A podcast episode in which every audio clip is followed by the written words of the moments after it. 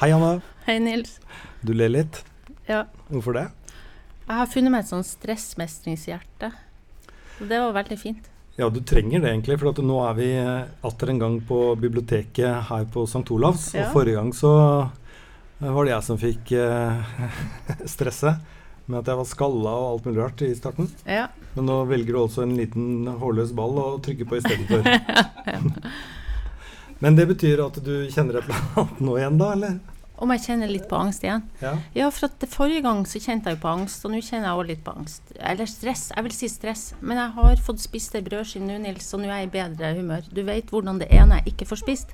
Ja, det vet jeg. Vi har bestandig Snickers tilgjengelig når vi spiller inn dette her. Hun øh, Ja, dropp nå det. Men i dag er altså verdensdagen for psykisk helse. Har du noe forhold til en slik dag? Ja, jeg syns det er viktig. Eh, I år er det jo temaet raushet. Eh, og det syns jeg er viktig i forhold til det jeg jobber med, som handler om åpenhet rundt psykiske plager. Eh, og der jeg fremdeles opplever at det er jo en del skam og hemmelighetholdelse rundt det fremdeles, da. Mm. Så jeg tenker at det er bra.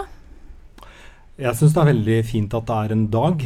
og så syns jeg det er litt sånn arrig at det er raus, liksom. Ja, Eh, du, du tenker én dag med raushet for deg hold? Nei, jeg syns det er Jeg synes det, er, det er veldig fint at uh, man har en verdensdag for psykisk helse. Ja. Fordi det er uh, vel så mange som har det, som får kreft i, i løpet av livet sitt. Mm. Men at man liksom må sette en sånn raus og blid og snill og sånn label på det, det syns for min del i hvert fall, så syns jeg det virker nesten litt mot sin hensikt.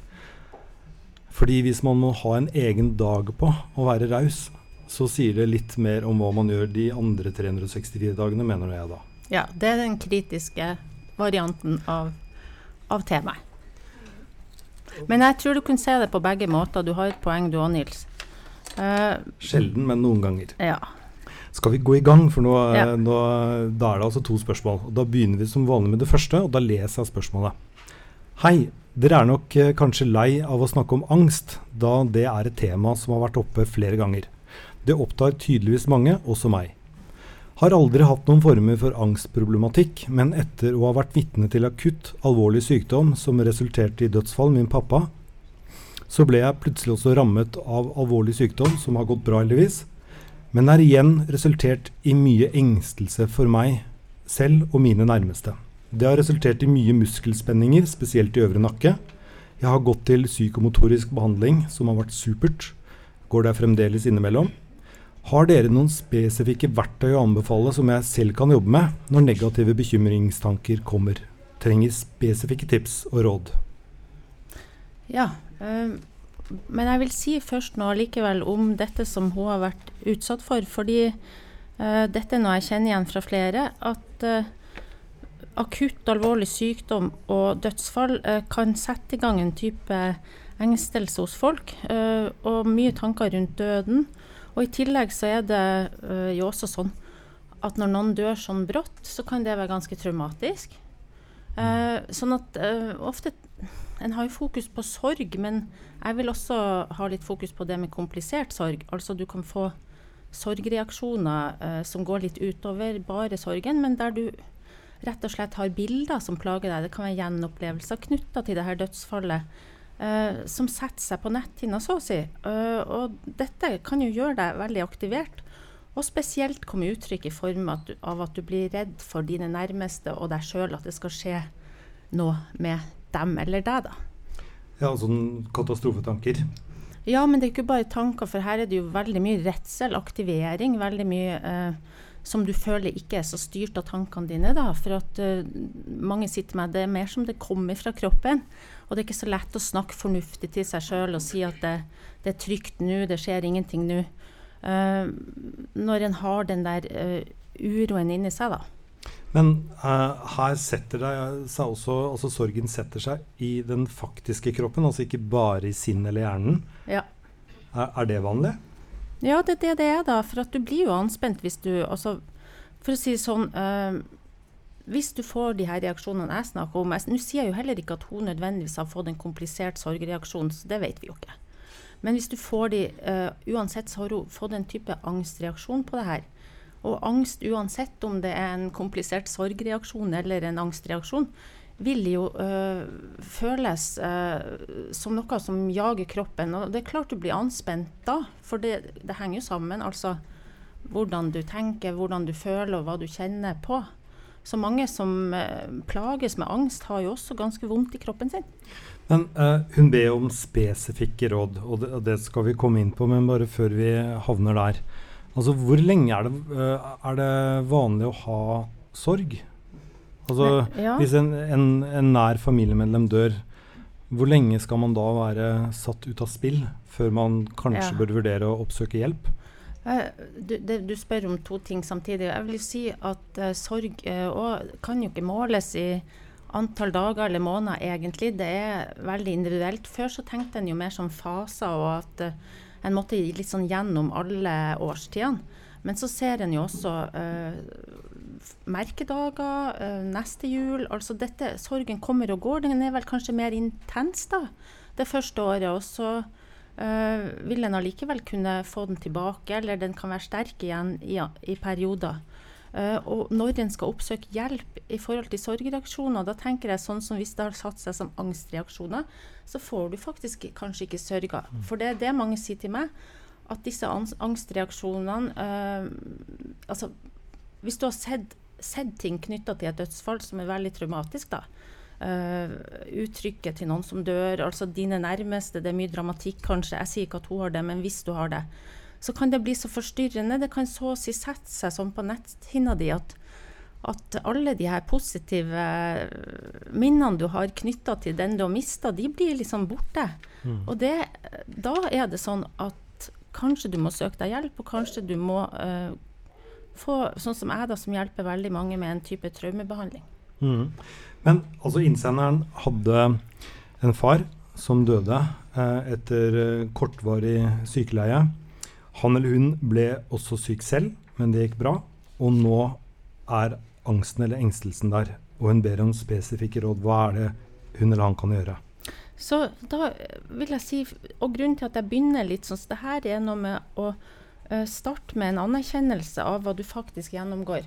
Uh, for at hvis en skal tenke råd, altså pusteøvelser, avspenningsøvelser, jeg skal komme litt tilbake til det, de må jo uansett være individuelt tilpassa.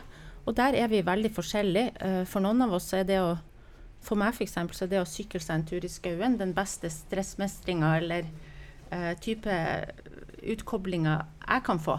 Uh, for andre igjen så er det yoga eller annen type aktivitet. men før du skal komme dit, så må du kjenne litt til. Du må akseptere litt det du går igjennom. Og det her er viktig, for de mange som kommer til meg, de, de kommer med de her symptomene, og så har de ikke satt det i forbindelse med belastningene som de har opplevd.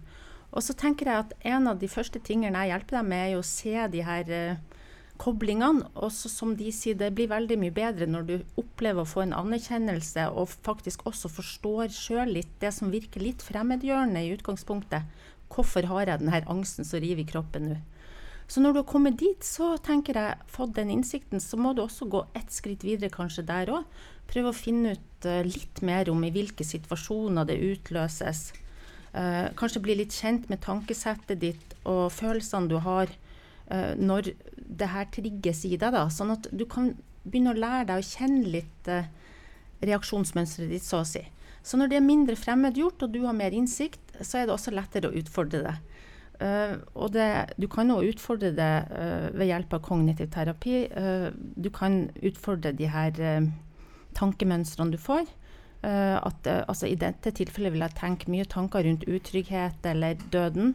det er ikke så lett kanskje å alltid utfordre dem og si ja, men du skal ikke dø nå, eller det er trygt nå. det kan også være du må jobbe litt med, med det her å få avstand til de her tankene. Uh, da har jeg veldig sånn Jeg tenker du må finne en holdning du skal ha til reaksjonene dine, først og fremst. Men dette er vel et eksempel på noe som man ikke nødvendigvis trenger å gå i kognitiv terapi for å få hjelp til. Altså Her går det også fint med en, en nær venn, altså en fortrolig. Altså, i prinsippet alltid vil jeg tenke at denne manglende åpenheten er en utfordring for veldig mange, og en stor belastning. Og det å få delt opplevelsen sin med flere er jo kjempeviktig.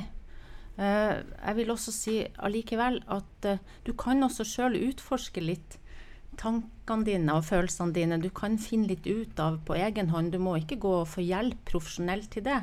Altså, nå fikk jeg dette ubehaget igjen. Hva var det som skjedde nå? Hvor var jeg? Hvem var jeg med? Uh, hvilke tanker gikk gjennom hodet mitt? Hva følte jeg? Hva kjente jeg i kroppen? Og ikke minst, hvordan takler jeg det?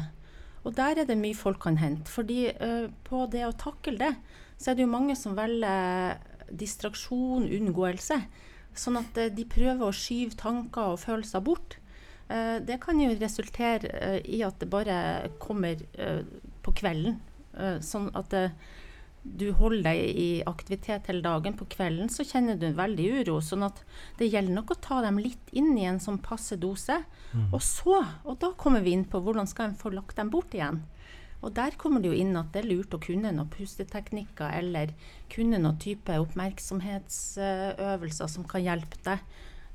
En, en type veldig enkel uh, pusteteknikk som jeg bruker mye, uh, det går ut på pust inn og ut. Uh, ikke på en spesiell måte, men for det passer heller ikke alle, da.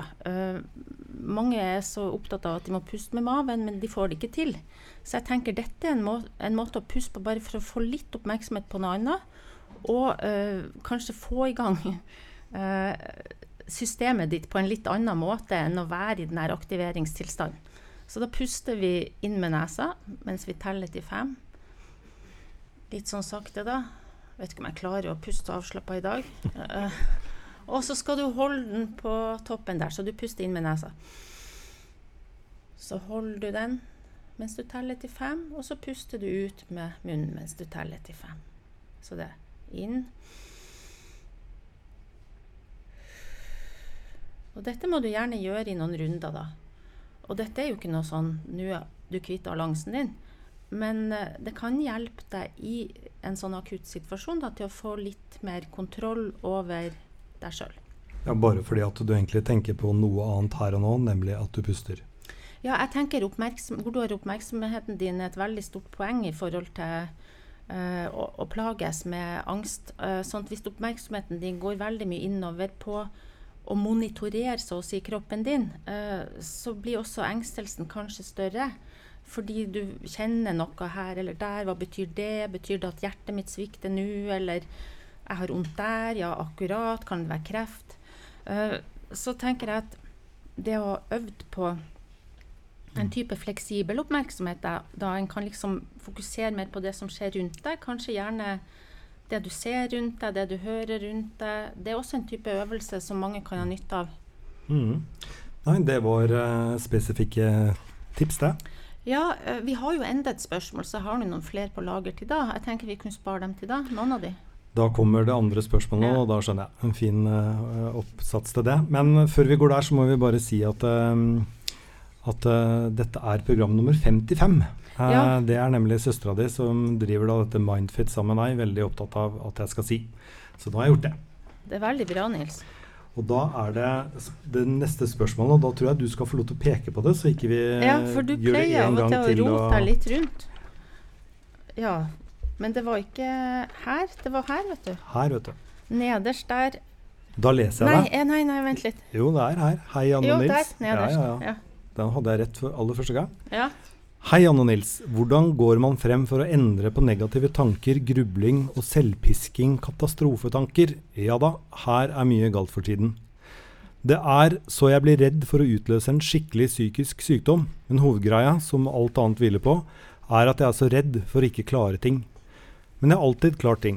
Jeg er topputdanna, god jobb innen forskning, stabilt privatliv med hus, mann og barn, og likevel, nettene er mørke hull som suger ut kraften og pisker angsten i alle retninger.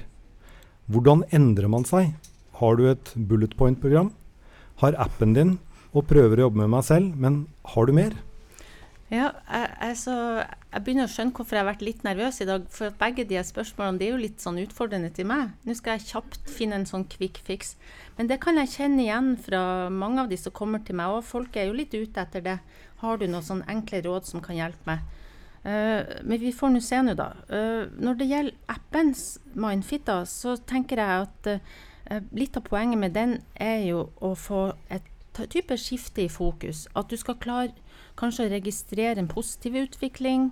Eh, kanskje det kan hjelpe deg med å utfordre de her negative tankestrømmene og gi dem mer tro på egen mestring, da. Eh, så i bunn og grunn så vil jeg også ta med et tips derfra, selv om hun eh, vet om det tipset. Uh, fordi det bygger jo mye på positiv psykologi. Uh, og det en har funnet ut der, er jo at det å fokusere på positive hendelser i livet og lykke, det kan redusere depresjon, bl.a. Uh, og jeg har erfaring med det her, fordi mange av de som går til meg, plages jo ofte med veldig lav mestringsfølelse og har jo mye fokus på, og oppmerksomhet på det de ikke får til. Uh, litt som denne innsenderen som sier at uh, jeg har jo alltid klart ting, men jeg tenker egentlig veldig mye på at jeg ikke klarer det, hvis du skjønner. Mm. Ja. Men bare skyte inn uh, litt fra sida her. Kan det ikke være litt sånn omvendt, da? At hun, eller han, ja det er vel hun, mm. dette her, bare kan erkjenne alle de negative tankene og mene at de har en mening? At det er faktisk det som skal til for at hun klarer alt? Så blir det ikke så farlig?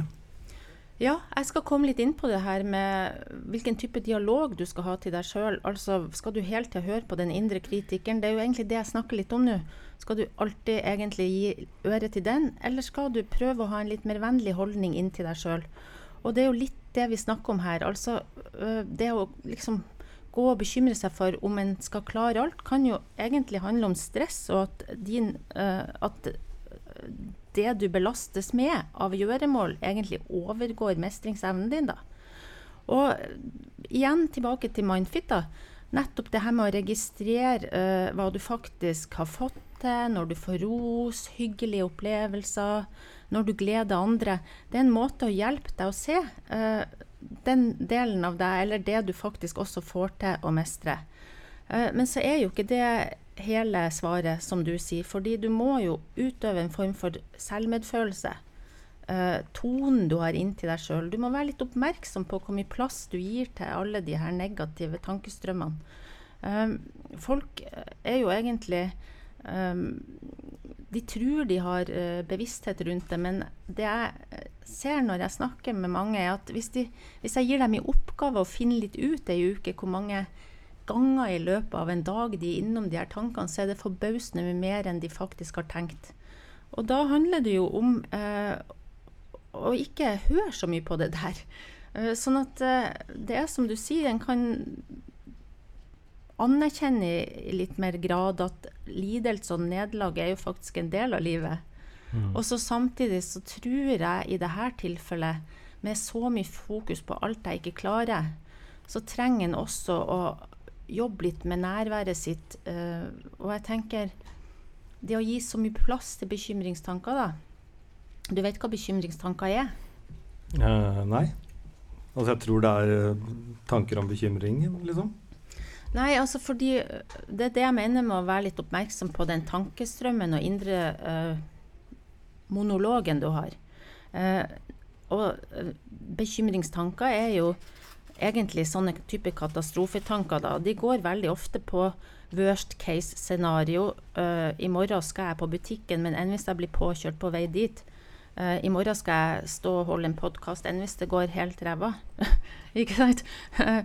Og dette er type tanker som um, er naturlig å få Altså det er litt, litt det her med passe balanse. Du får de her tankene, men du trenger jo ikke svømme og meske deg i dem til enhver tid. Sånn at jeg tenker at hvis du har mye av det her, masse tanker fremover på, på hva du skal gjøre i morgen, og helst katastrofescenario av det, så blir det jo ikke så mye plass til å være til stede akkurat her og nå. Du må til en viss grad tolerere at du har de tankene, men du kan også øve deg litt på å legge dem bort. Mm. Så skal jeg si litt om hvordan du kan legge dem bort, da. Men bare kom med spørsmålet ditt. Ja, jeg bare tenker litt på idrett og sånne ting. Altså, du må lære å tape ganske mye før du klarer å vinne. Så altså, det, er, det, er, en annen måte å si på at uh, negative opplevelser er faktisk bare noen steg på veien for å få positive. Ja, og så er det sånn da, Nils, og det, kanskje er det noen kjønnsforskjeller her òg, men, men, mange har jo litt det her at, at de skal være flinke hele tida. Sånn at de er veldig, veldig redd for å ikke gjøre det bra. Og særlig hvis du har mestra veldig, veldig mye, så kan du nesten få det litt sånn Uh, det er noe med å venne seg til tanken på at det faktisk kan være noe du ikke får til òg, da. Men da mener jeg at en av årsakene det, til det er at vi ikke anerkjenner det positive med negative tanker. Altså De, jeg, jeg har tenker, en misjon, liksom. Ja, de, altså de har en misjon til en viss grad. Uh, for mange av de som går til meg, så har de, tar de for stor plass, rett og slett. Så, så, den misjonen de en gang har hatt med å hjelpe deg til å drive deg fremover og prøve igjen, den har liksom forsvunnet litt på veien. Fordi når du natt og dag har bekymringstanker, uh, og det ender i en type uro eller du rett og slett nedfor, så er det mista litt av uh, den positive effekten. Uh, og da tenker jeg at det er viktig faktisk å få litt avstand til dem. Sånn at, det er ikke sånn at du skal ignorere dem i den forstand at du skal si til deg sjøl at disse tank, altså Du skal ikke skyve dem bort og si nei, nei, jeg vil ikke tenke at jeg ikke klarer ting. Jeg må absolutt ikke tenke på det. Ikke tenke på alt jeg gruer meg til. Ikke, ikke, ikke. Det er ikke det jeg mener. Men eh, når du har tatt dem inn, altså registrert hva de er, så kan du faktisk også øve på å la dem være litt i fred. Eh, dette er lettere sagt enn gjort. Så mange som går til meg, de må liksom øve over litt tid. De sier veldig raskt at 'dette får jeg ikke til'. Eh, det er lurt å lage seg en metafor, eh, har jeg sett. En slags sånn metafor på at tanker og følelser kommer og går, og at du kan bare la dem være i fred. Uh, type skymetafor som vi bruker i Mindfit, den er veldig fin.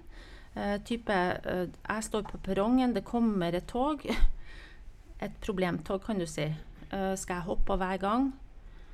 Det ringer på døra, en sånn gjest du ikke vil ha. Skal jeg ta opp døra hver gang? Så du lager deg en metafor som passer for deg, da. Ja, der flirer du, for du tar vel ikke opp døra til gjester du ikke vil ha? Jo, jeg er en av de som finner stor glede ja, Det mener jeg helt seriøst. Også Jehovas vitner og sånne ting. Det inviterer jeg inn på kaffe, faktisk. Ja. Men julebukk, da later jeg som ikke er hjemme og skrur av lyset. Ja, greit, ja. Så denne metaforen da jo, uh, må jo være litt sånn din egen, så den må du prøve å finne litt av. Uh, når det gjelder det her med skymetaforen, så liker jeg den godt. Fordi uh, jeg, jeg, det går sånn som det her, da. At du forestiller deg at du skriver tankene, de problemene du har da, eller de tankene og følelsene du har, bekymringene du har, inn i, i en sky eller flere. For meg så er det ofte sånn at det funker med sånne nøkkelord. da. Uh, stress på jobb kan være en sky, ikke sant. Også når du har skrevet det inn der, eh, så kan du prøve å forestille deg at denne skyen eh, passerer forbi. Og så er det jo sånn at den vil jo alltid komme tilbake, sier folk til meg. Ja, det er helt sant. Men prøv allikevel å ta litt tid til å først registrere hva du faktisk tenker og føler. Plasser det, skriv det inn i en sky ikke dytte bort, men liksom forestille seg litt at, at kanskje tanker er som skyer, de kommer og går litt. Været skifter jo i løpet av en dag, i hvert fall i Trøndelag. Eh, men kombiner det her gjerne med en type bekymringsutsettelse, da. Mm. Uh, sånn at du må jo gi plass til de her tankene noen gang òg. Sånn at jeg vil tenke at det er lurt å sette av litt fast tid hver dag til å bekymre seg, egentlig. Eh, det er òg vanskelig, sier folk. For når jeg først setter meg skal bekymre meg, så har jeg ingenting å bekymre meg for. Men det er jo egentlig fint, uh, sier jeg, for da var jo egentlig problemet litt løst, var det ikke det? uh, så det er jo ikke noe problem. Men, men, hvis du har altså hele dagen Du må jo kjenne litt tankestrømmen din, da. Så hvis du hele dagen går og tenker 'jeg duger ikke, jeg klarer ikke noe, jeg får ikke til noe', eller bla, bla, bla, bla, bla, det er en sånn jevn strøm. Så det jeg sier nå, er at prøv å liksom si til deg sjøl at dette går jeg ikke inn i akkurat nå. Uh, jeg venter til klokka fem. Uh, da skal jeg se på det. Og det kan også være bekymring av type gjøremål. Det er jo veldig mange. For det er så mye folk som er stressa nå, vet du. Så de har sånne lister de tenker på hele tida. Så de tenker hele tida på lista si. Så sier jeg men kanskje du kan tenke på den klokka fem, da. Og når du kommer til at du skal tenke på det, så er det et type sorteringsarbeid som må foregå. Er dette jeg driver med nå, bare en sånn type jeg kverner rundt min bekymring, eller løser jeg faktisk et problem? For noen ganger så løser en jo et problem. Men, ganger, men, veldig mange ganger så er det mer det at en kverner rundt det samme. Hvor mange ganger har jeg nå gått gjennom denne tankerekka? Kanskje jeg bare skal legge den bort. Jeg finner ikke mer ut av det nå. Mm. Så det å sortere tanker i det som du faktisk kan løse her og nå, og det som du faktisk kan utsette litt.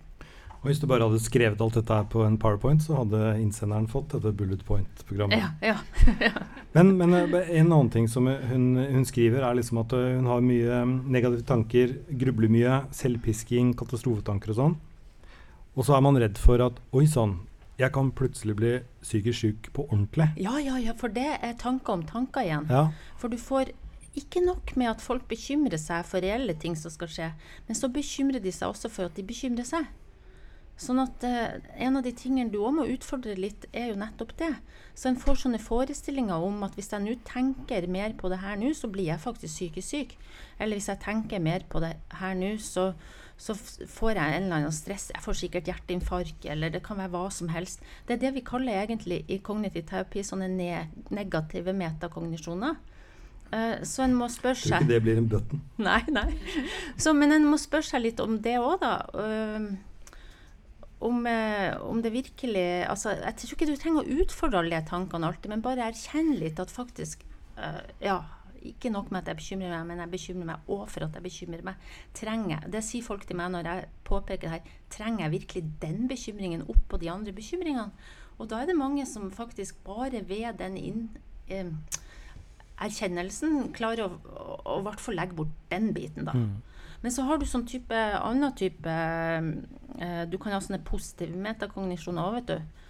Og det er at du prøver å analysere Det er mer depressive varianten. Og det er mer at du grubler over hvorfor du er i så dårlig form, eller hvorfor du ikke får til ting. Og da analyserer du hele tida hva som har skjedd før. Uh, hva gjorde jeg da? Hva var det jeg gjorde feil da? Du går liksom hele tida tilbake og analyserer hvor det gikk galt. Det kan du også prøve å legge litt bort, for du finner kanskje ikke flere nye svar der nå heller. Men jeg får det til å høres enkelt ut. altså dette, dette, er ikke så enkelt alltid. Men nå har du eh, svart uh, på to uh, spørsmål som vi har hatt veldig mange av. Ja. Det er liksom det her som topper alle lister ja. på de innsendte spørsmålene vi har fått. Ja. Og så vi kommer nok til å snakke om dette igjen og igjen og igjen. Men det er jo litt trist at det er så mange mennesker som sliter med dette her. Ja, det som jeg synes er, og det, det, er også et poeng for meg, jeg kan jo ikke hjelpe alle. Akkurat nå for tida er det åtte måneders ventetid. Uh, jeg får henvendelser Åtte måneder? Er ikke en depresjon varer ikke den fra seks til åtte måneder? Ja, altså, så de er, er helt... med å være deprimerte ja. når de kommer inn til deg? Nei, men de er jo ikke det, vet du. Og så er jo poenget jeg kan jo ikke hjelpe alle. Og jeg syns det er fortvilende for det hver dag. Mm. Sånn at jeg syns det er så viktig å få ut litt sånn mer verktøy og ting folk kan gjøre sjøl. Uh, og at alle kan jo heller ikke gå til psykolog, tenker jeg. Det er, mye, det er jo det som er litt poenget med det vi gjør, Nils. Det er noe med å også vise litt til hva en faktisk kan gjøre sjøl. Mm. Skal vi få opp eh, Nina nå, da? Som har da gått til psykolog. Du må komme på min side, tror jeg. Nei, du skal ikke ha det, nei. Jeg skal gjøre sånn. Så hvis jeg føler at du svarer litt dårlig, så bare ta den bort. så du skal ikke stikke av, nei? Nei, jeg skulle bare Hva skal du? Gå og hente deg vann. Det går fint. Jeg skulle ha litt mer vann.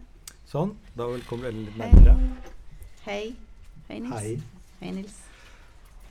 Du eh, må kanskje bare si før vi begynner at hvis du da plutselig begynner å snakke amerikansk, så er ikke det fordi at du prøver å være kul. Ja, det konstaterte vi i går, at jeg er ikke kul.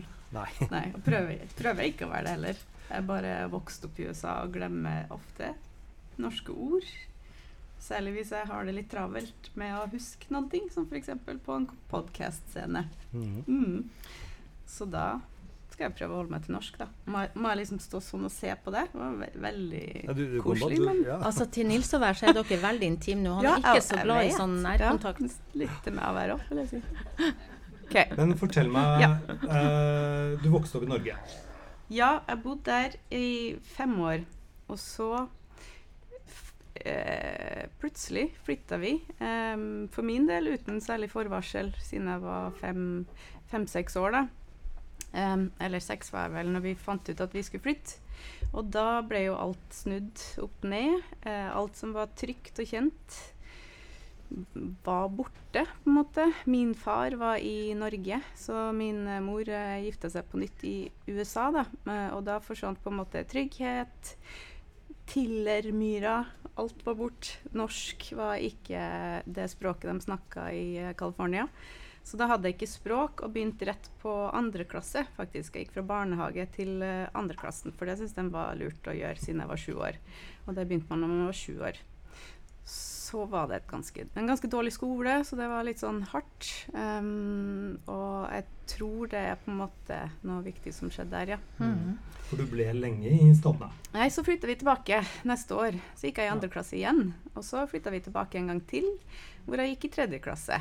Så det har vært mye sånn Og, og da resten av uh, oppveksten min var det fortsatt en del flytting, men en ting var jo at jeg så ikke den ene forelderen min uh, mesteparten av året, da. Så jeg hadde på en måte bare halve, halve, halve foreldreskapet. Eh, som Det var jo veldig traumatisk, husker jeg godt. Mm. Men da er det egentlig sånn at uh, jeg var litt nærmere her, ja. Da er det egentlig ja. sånn at du er flink til å snakke norsk, du da. Du trenger ikke være nærmere, det er bare meg. Du er veldig nær. Jeg vil bli Bra det ikke er TV. så sant. Uh, ja, nei da, så det, vi kom hit uh, en gang i året og øvde meg på norsken. Mm. Mm. Men du har da snakket med deg litt i går, og du mener egentlig at du har vært gjennom tre forskjellige sånne definisjoner av angst eller depresjon? Ja, for det var jo eh, Som sagt, eh, når jeg var barn, så visste jeg jo ingenting. Og det her ble jo ikke bearbeida, alle de her prosessene som jeg snakker om. Jeg var ikke i en familie hvor sånne ting ble mm, ja, prosessert eh, for meg som barn.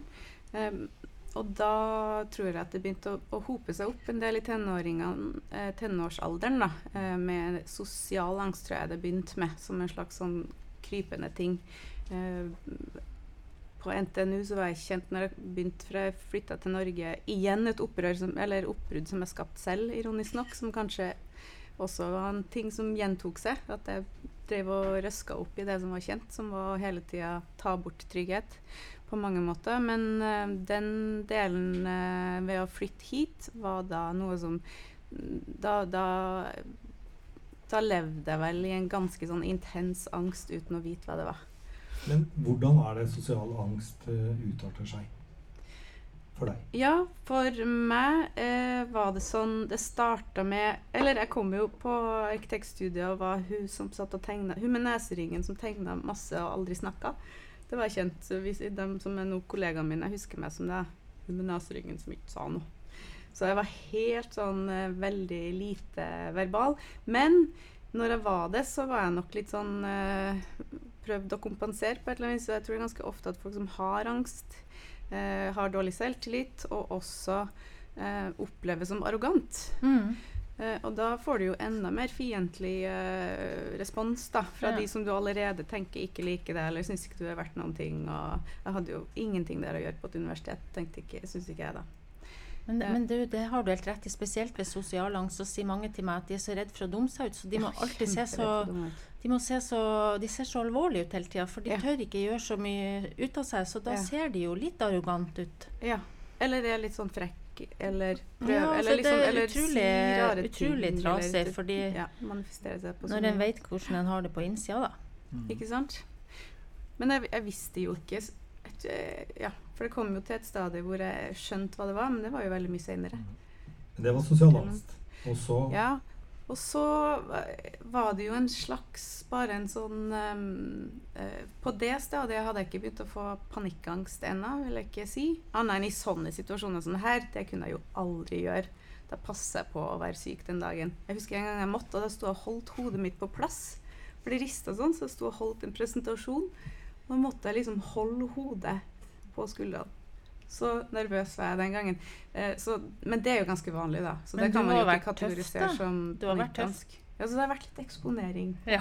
det skal vi komme til. Men eh, eh, det var bare en sånn tåke. Jeg husker jo ikke arkitektstudiet, nesten. Eh, det er kanskje litt rart å si siden jeg jobber der nå, men Men la oss bare ta den. Altså, du husker ikke noe uh, av det. Er, det normalt uh, hvis man har angst? At man er så altså, er i så, angsten at man ikke husker noe i ettertid? Altså, det er klart at du får jo ikke med deg alt når du har det her indre fokuset, sånn at konsentrasjonen blir jo veldig mm, prega. Men det jeg tenker, her er det forskjell på folk på kapasitet, rett og slett. Ja. Sånn at du har jo fått med deg det grøvste likevel, for du besto jo arkitektstudiet, du da. så ja. Så, så, her er det forskjell på folk. Men jeg fant jo et verktøy ja, inni ikke der. Sant? For en må kanskje finne seg det. Men det, var, det eskalerte veldig før, på, så da gikk jeg den her tåkeangsten. En tåke som jeg har tegna mye. men som bare gjorde at jeg hadde ikke liksom Jeg visste ikke hva det var. Jeg trodde det var meg, for å si det sånn. Jeg trodde det var sånn. Jeg Ja, det tror jeg mange kjenner igjen. Ja, ikke sant? Og du bare Du skjønner egentlig ingenting. Du, du lærer nesten ingenting. Og du eh, Ja, kroppen vet jeg ikke, for jeg var så ung, så den liksom klarte seg da på et eller annet vis. Men det kom jo Mm. senere med problemer i kropp. Uh, og så, eh, og så toppa det seg i USA. Enda et oppbrudd som jeg har skapt sjøl. Så flytta tilbake, gikk på UC Berkeley, eller skulle gå der og studere. Og da, klarte, da ble det sånn at det eskalerte for hver dag. ble det bare verre og verre. Og det plutselig bare klarte jeg ingenting, da. Og da ble jeg sendt Men jeg var veldig mye svimmel og hadde som sagt denne familien som ikke helt tok eh, høyde for mental syke. Så det var veldig mye fokus på det fysiske, så jeg var hos øyelege. Fikk diagnose kanskje trenger briller. Ja. Som du ser, gikk det veldig fint. Da for vi til legen for å få skanna hjernen min for kreft. Og da sa jeg jo at Men jeg tror kanskje at det er noe Jeg, tror, jeg begynte liksom å skjønne at jeg, jeg tror kanskje det er noe annet. Jeg tror det er noe inni meg, liksom. Jeg hadde ikke ordene. Og da sendte jeg de sånn Nei da, du trenger ikke Vi skal ikke bruke penger på MR. Du kan gå til han her mannen. Og da ble jeg henvist til en psykolog. Mm. Det var første møte. Hvordan har du opplevd det profesjonelle behandlingsapparatet? Ja, det har vært variert. Den første gangen vi satte oss ned og han fortalte meg hva angst var, Det var første gangen jeg liksom hørte ordet, egentlig. Var vel 25. Hadde kanskje hatt det siden jeg var fem, Hmm. i variert, på varierte måter. Eh, han lærte meg å puste med magen, så jeg husker jo det at han sa det og fortalte. Og liksom akkurat som jeg husker han hadde vest og var veldig koselig og smilt. og det opplevde jeg som ganske fint og veldig overraskende at det var egentlig ikke meg. Det var jo et hint om det, da. Men siden det er USA, så fikk jeg beskjed om at hvis du skal ha noe behandling, så må du gå på antidepressiva. Jeg kan ikke behandle deg før du får spise Prozac. sånn er det der. Så det gjorde jeg. Mm. Og så gikk jeg til en privat eh, psykolog faktisk der, og hun opplevde jeg som utrolig varm. Og for første gang så var det noen som bare lytta og forsto, og det var jo helt magisk for meg. Men vi løste kanskje ingenting. Det var bare det, det var liksom første steget i å bli sett. Da. Mm. Hmm. Men så fant du det som kanskje var da din løsning. Ja. Og så etter hvert eh, på den opplevelsen For det har vært flere runder etterpå, men da var mitt første Da gikk jeg også til eh, restorative yoga. I, I Berkeley er det jo yoga på hvert hjørne, så mange typer yoga. Og der lærte vi jo eh, eh, første liksom steg i det å være til stede i sin egen kropp og puste. Så der lå vi på gulvet alle sammen og bare fikk puta og pledd, og jeg lå med folk Jeg tror eh, læreren hadde jernkreft i hjernen. Så liksom folk var kjempesyke. Det var ikke sånn power 3T-yoga som du bare kan altså, Eller unnskyld, nå sa jeg et merkenavn, det burde jeg ikke, men sikkert. Men eh, altså, det var veldig med fokus på velvære og det å se seg selv. Eh, og begynne å ta vare på seg selv. Så det var nå steg nummer én. Og så etter hvert har jeg funnet ut at all form for eh, fokus og mindfulness i kropp og med pust, og jeg mediterer hver dag med alle de teknikkene som du har beskrevet, har jeg brukt eh, på en eller annen måte gjennom Ja. meditasjon, faktisk. Så det å bare sitte i ro og ja. Og de tankene Ja. som er totalt som en sky. Eller Men jeg vil jo si eh, til det du sier om, om å få den sympatien og anerkjennelsen som er kjempeviktig. Mm. Uh, men jeg tror du har rett i at mye psykologi, mye terapi stopper der. At jeg Mm. tenker på me- det mer kanskje som en første fase, Ja. og at du må gå litt videre etter det. For det som du sier, du må ha noe verktøy òg. Mm. Og noen må kanskje bearbeide ting litt grundigere. eh, Mm. Sånn at det er ikke alltid Nei. En får alltid en pakke når en går til en Nei, psykolog. virkelig ikke. Og Nei. jeg har vært hos flere også i samtaleterapi, og noen ganger har jeg følt det som det var bare å sitte som med en kompis, liksom. Og det var jo hyggelig. Men en dyr venn, tenker jeg. Ja, Og så, og så har jeg andre ganger følt at nei, det her vet jeg mer om enn en deg. ja. Og kjenne at jeg kan manipulere samtalen. Eller begynne å føle Ja. sånne ting som jeg ikke uh, Ja, hvor jeg tenker at uh, her er det dårlig kjemi. Um, men uh, ja, uh, det eskalerte seg i en traumasituasjon senere også, hvor jeg da jeg, Som den som ringte inn, opplevde dødsfall med min far. Mm. Traumatisk omstendighet um, av dødsfall og veldig komplisert sorg.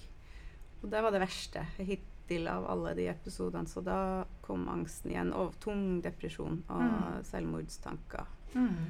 Så den fikk jeg jo veldig lite hjelp for, vil jeg si. Fordi da tror jeg jeg hadde gitt opp litt, kanskje, ja. med ja. noen av de der behandlingene. Som, eh, som var liksom god hvis, hvis jeg var sånn passe god. Jeg, følte, jeg, tror jeg kanskje følte jeg var for syk til å få hjelp. Men hvordan var det du kom uh, opp av det, da? Nei, uh, skal jeg være litt dramatisk og si det jeg husker når jeg hadde minst lyst til å fortsette. Det var veldig, veldig, veldig mye destruktive tanker involvert i den depresjonen, eh, så var det dessverre ikke familie eller kjæreste, for dem, jo, dem hadde jo bare godt av å bli kvitt meg. Det var ikke noe nødvendig å være der. Um, så man da Den type selvfølelse man har. Men jeg hadde bilder som jeg ikke hadde lagd ennå. Mm. Mm. Så kunsten redda deg? Ja, faktisk. Så var det den, Jeg husker den tanken så godt. Og den har jo vart etterpå, da. Og jeg har jo alltid vært eh, skapende, alltid lagd ting helt fra barndommen og er en tegner, siden jeg ble illustratør. Eh, men så nå først, i de siste ja, skal vi si ti Eller ikke ti år, det var en overdrivelse. Kanskje sju år har jeg virkelig funnet liksom rytme til å akseptere at ting kommer og går. Sperrer kan dukke opp, eller sånne tørre tider i kreativiteten. Det betyr ingenting, og den er der som en sånn refleksjon og Ja, i tillegg til det derre meditasjonen, tilstedeværelsen. Eh, også regelmessigheten og kjærligheten av å ha familie, da, må jeg si. For dem er jo veldig sånn der. Og Um, for meg Jeg vet det kan være en trigger for mange òg, men for meg har det blitt en sånn uh, i, På samme måte som meditasjon. En sånn påminnelse om at uh, mm. her er du, akkurat her i det øyeblikket. Ja, ja. nå så skal vi tørke opp det sølet. Mm. Liksom bare, det, det hjalp meg Kom litt mer i, uh, i nuet. Ja. Men jeg må jo si, den er jo fantastisk, den utstillinga di her oppe, da. Ja, du har jo virkelig fått illustrert angst mm. på en utrolig flott måte. Takk. Vil du si litt om det? Hva du ja. tenkte på underveis? Det var et oppdrag fra Medisinsk eh, museum hvor de ringte og spurte, basert på tegninger de har sett som jeg har gjort før. og Det er alltid et fint uh, utgangspunkt. Så det var ikke at de hadde hørt at jeg hadde angst og ringt for å høre. Så det var jo liksom bare noe som selvfølgelig kom frem ganske tidlig i første samtalen. Det at ja, det, kan, det her kan jeg jo si ja til siden jeg vet hva det er. Eh, så tror jeg Og, og så var det også en utrolig vel, Det er jo en veldig sterk motivasjon eh, å få kommunisert når du har vært gjennom en sånn historie som jeg har. Eh, å få, å få um, gjort det som Medisinsk museum sa, som var da at de vil konfrontere tabu og utvide normalitetsbegrepet rundt hva det er å være psykisk frisk eller normal. Mm. Eh, så, og, og den, særlig den der å, å, konfrontere tabuen var veldig, veldig sterk motivator for meg som har vokst opp med eh, Eller vært og møtt mye altså Jeg skal ikke bare si vokst opp med, men man møter jo alle slags veldig mye motstand fra samfunnet på at eh, det her ikke er noe å snakke om, eller det er ikke noe å, å kjenne på. Um, og det vil, jeg, det vil jeg endre. Så det her har vært uh, en av de viktigste prosjektene jeg har gjort som kunstnerisk. Eh, historien, eller det er jo en utstilling oppe som er da en kombinasjon av medisinsk liksom objektivt eh, faktaopplysninger om hva angst er, som alle de tingene vi har snakket om i forhold til hvordan det opererer i kropp og, og kognitivt. Eh, men så ville de eh, si noe mer, og de satt litt fast. Fordi eh, hva skal man gjøre i et medisinsk museum med gjenstander? Angst ser jo sånn ut. Mm. Så, det kan se sånn ut, det kan mm. se andre ut. Mm. Men det er jo ikke så lett å vise det. Og de har alle disse montrene. Så de fant ut takket være eh, eh, medisinske bibliotek som jobber, er veldig interessert i den hylla der, ser du det står 'graphic medicine'. Så det er jo en sjanger hvor man tegner. Tegner seg gjennom det og viser det som er, er vanskelig å beskrive objektivt. Og som kanskje er vanskelig å bare si med ord også, men hybriden mellom tekst, fortelling og tegning er verdt å sjekke ut siden dere sitter rett ved siden av hylla her. Mange andre som har jobba med lignende ting. Um, så da var det det å finne en måte å visualisere det her på, men også gi litt sånn Gi litt mer enn bare den kunnskapen, faktakunnskapen. Men for meg, da, eller vi ble enige om at det å gi en opplevelse, en emosjonell opplevelse i rommet, kunne virkelig være en ganske god sånn Et Ja. godt Det har du fått, det. virkemiddel. Ja, vil jeg påstå. Og de som ikke har sett så- sett utstillingen, den er jo en etasje opp. Den er en etasje opp, og der er det integrert tegning og poetiske tekster som er integrert i tegninga og ved siden av og i rommet. Eh, med noen jeg liker veldig godt å jobbe sammen med, som er Marte Huke, som er poeta.